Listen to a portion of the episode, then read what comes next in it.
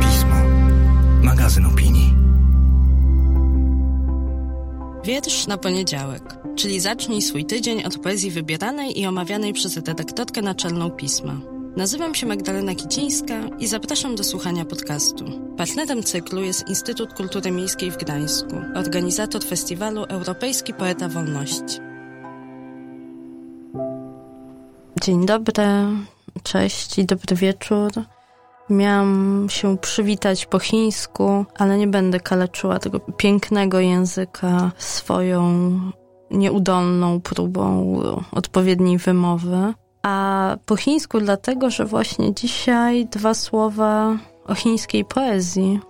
A pretekstem do tego, do tej poetyckiej podróży jest wydany właśnie przez Państwowy Instytut Wydawniczy opasły tom pod tytułem Kamień w lustrze, antologia literatury chińskiej XX i XXI wieku pod redakcją Lidli Kasareuło. Ten tom dostałam w prezencie od Anny Karczewskiej, która promuje książki Państwowego Instytutu Wydawniczego, a dostałam go dlatego, że kiedy tylko zobaczyłam, że taki tom się ukazuje, to w zachwycie się do Karczewskiej odezwałam. A ten mój zachwyt i moja sympatia, nawet więcej niż sympatia, fascynacja literaturą państwa środka jest zupełnie niejasna. Znaczy nie ma żadnego jednego konkretnego powodu, dla którego na hasło literatura, bo ten tom właśnie nie tylko liryką, ale też dramatem i prozą się zajmuje, na hasło literatura chińska no coś się we mnie dzieje, coś mnie w tamtym kierunku ciągnie, coś, coś czego nie umiem wytłumaczyć, a też boję się jakiejś orientalizacji mądrzenia się o granicach, o nieprzetłumaczalności, o różnicach kulturowych, bo zwyczajnie po pierwsze zbyt mało o tym wiem, a po drugie wydaje mi się, że jeżeli chodzi o takie fascynacje artystyczne, twórcze, zainteresowanie sztuką, coś co w nas rezonuje, często nie ma nazwalnego powodu, jest taką czasami wręcz nawet biologiczną, organiczną, nienazywalną rzeczą, powodem, który sprawia, że po prostu coś czujemy, coś jest nam bliskie, coś jest o nas, coś jest nasze, nawet jeżeli pozornie nie ma z nami nic wspólnego. Kiedy dwa lata temu wreszcie udało mi się spełnić moje wielkie marzenie i pojechać do Chin, to okazało się, że rzeczywiście, mimo że wydawało mi się, że kultura, w której się wychowałam, którą znam, w której kody kulturowe są moim językiem rozumienia i komunikowania się z rzeczywistością, są zupełnie inne niż te, w których w Szanghaju wylądowałam to mimo właśnie tego wszystkiego, co mnie dzieliło od tej najprostszej bariery, od języka, od słów, od znaków, których nie rozumiałam, to poczułam, że odnalazłam tam w miejscach, w ludziach, w smakach, w zapachach to, co od dawna z niezrozumiałych przyczyn we mnie rezonuje. A o tym, że rezonuje, to już trochę opowiadałam, dlatego że w lutym, jeśli pamiętacie, na łamach pisma ukazał się Dom w górach Zongha Wangaweja, czyli przykład literatury chińskiej, starochińskiej sprzed bodajże 13 stuleci. I nagrałam też wtedy odcinek podcastu, do którego odsłuchania Was zapraszam, w której próbowałam się trochę z tej mojej fascynacji wytłumaczyć, jakoś usprawiedliwić to, co teraz zresztą też próbuję robić, czyli brak konkretnego powodu, brak umiejętności nazwania tej źródła tego zafascynowania chińską literaturą, ale wydaje mi się, że że może u źródła tego zauroczenia, tego przyciągania jest pewnego rodzaju melancholia, podszyta takim zimnym dystansem, czyli dwie sprzeczne wydawałoby się emocje, wartości, tony, które ja za każdym razem, kiedy sięgam po chińską poezję, odnajduję. Może posłuchajmy najpierw tego wiersza sprzed prawie 13 wieków. Wang Wei. Dom w górach Zonian. Czyta Miłoko Streczek. Jako człowiek dojrzały pokochałem drogę. Teraz, na starość, mieszkam w górach Zonian. Gdy tylko zechcę, wyruszam w samotną wędrówkę.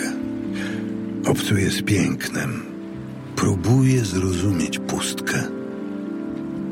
Idę. Znajduję miejsce, gdzie bije źródło. Siadam. Na moich oczach formują się chmury.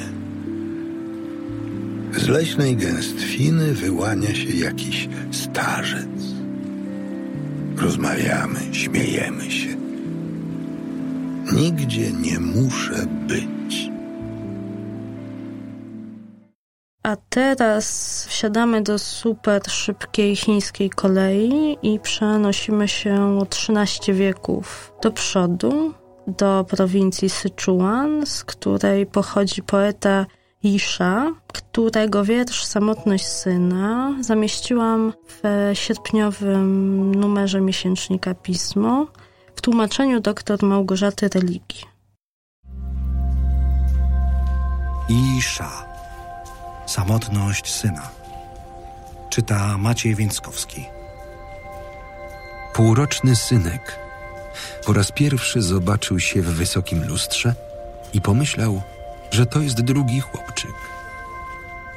Człowieczek jego wzrostu stał naprzeciwko i ten obraz sprawiał mi radość, jakbym miał już dwóch synków bliźniaków niebianka i brata ziemianka.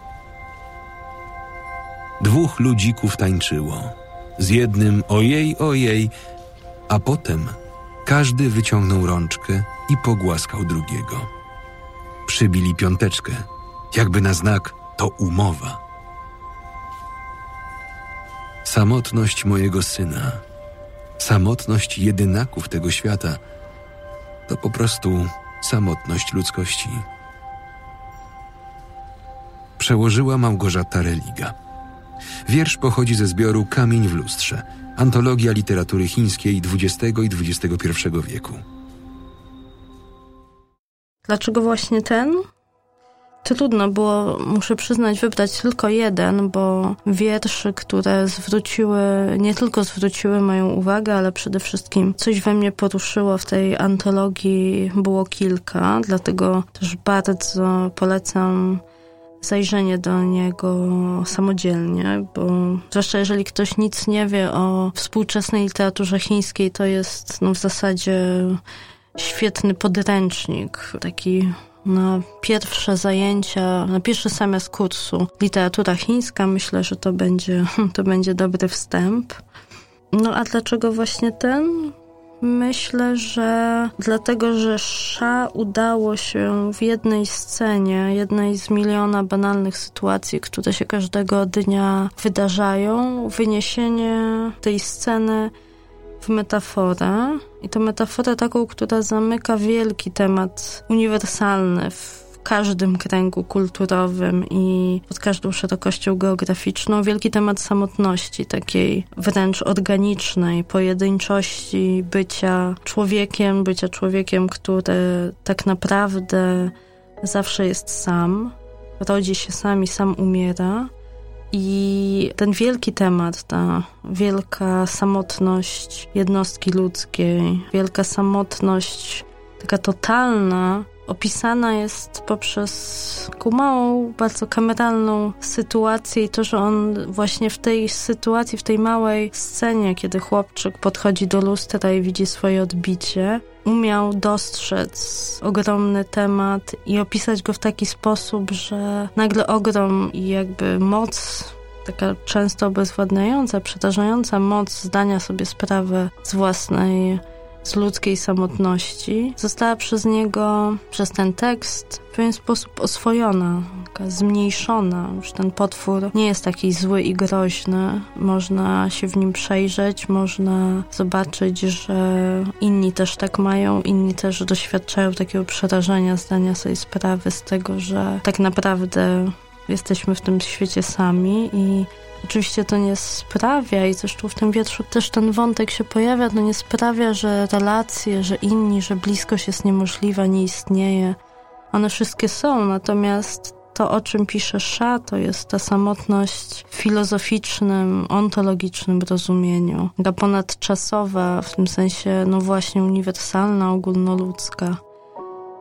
I Sza w wierszu, które jak czytamy z biogramu autora, ale też możemy samemu przeanalizować, czytając pozostałe wiersze zgromadzone w tym tomie, w wierszu takim nietypowym dla swojej twórczości, bo on często w wierszach oddaje głos wykluczonym, oddaje głos ludziom z poza głównego nurtu debaty społecznej, tym, których społeczeństwo odtrąca, pariasów w pewnym sensie im oddaje głos. Natomiast tutaj, w tym wierszu stworzył obraz, opisał intymną, zwykłą, codzienną sytuację. Opisał ją z ogromną dawką czułości, czułości dla tego małego chłopca, ale też z czułością do każdego, kto znajdzie się przez chwilę w takim momencie zdania sobie sprawy z tej pojedynczości własnego losu.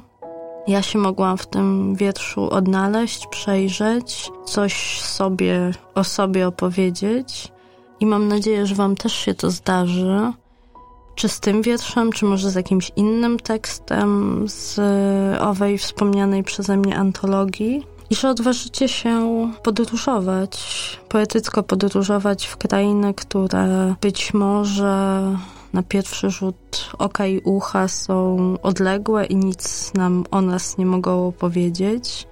Polecam takie podróżowanie i też do takiego podróżowania dalej w piśmie Was zachęcam, bo jeden z wierszy z sierpniowego numeru to jest wiersz poetki o karaibskich korzeniach. Karaibskich korzeniach, które zawiodły ją, nie wiem czy karaibskie korzenie mogą zawieść, karaibskich korzeniach, których echa gdzieś wybrzmiewają w londyńskim współczesnym świecie. Zapraszam do spotkania ze mną i z poezją w przyszłym tygodniu.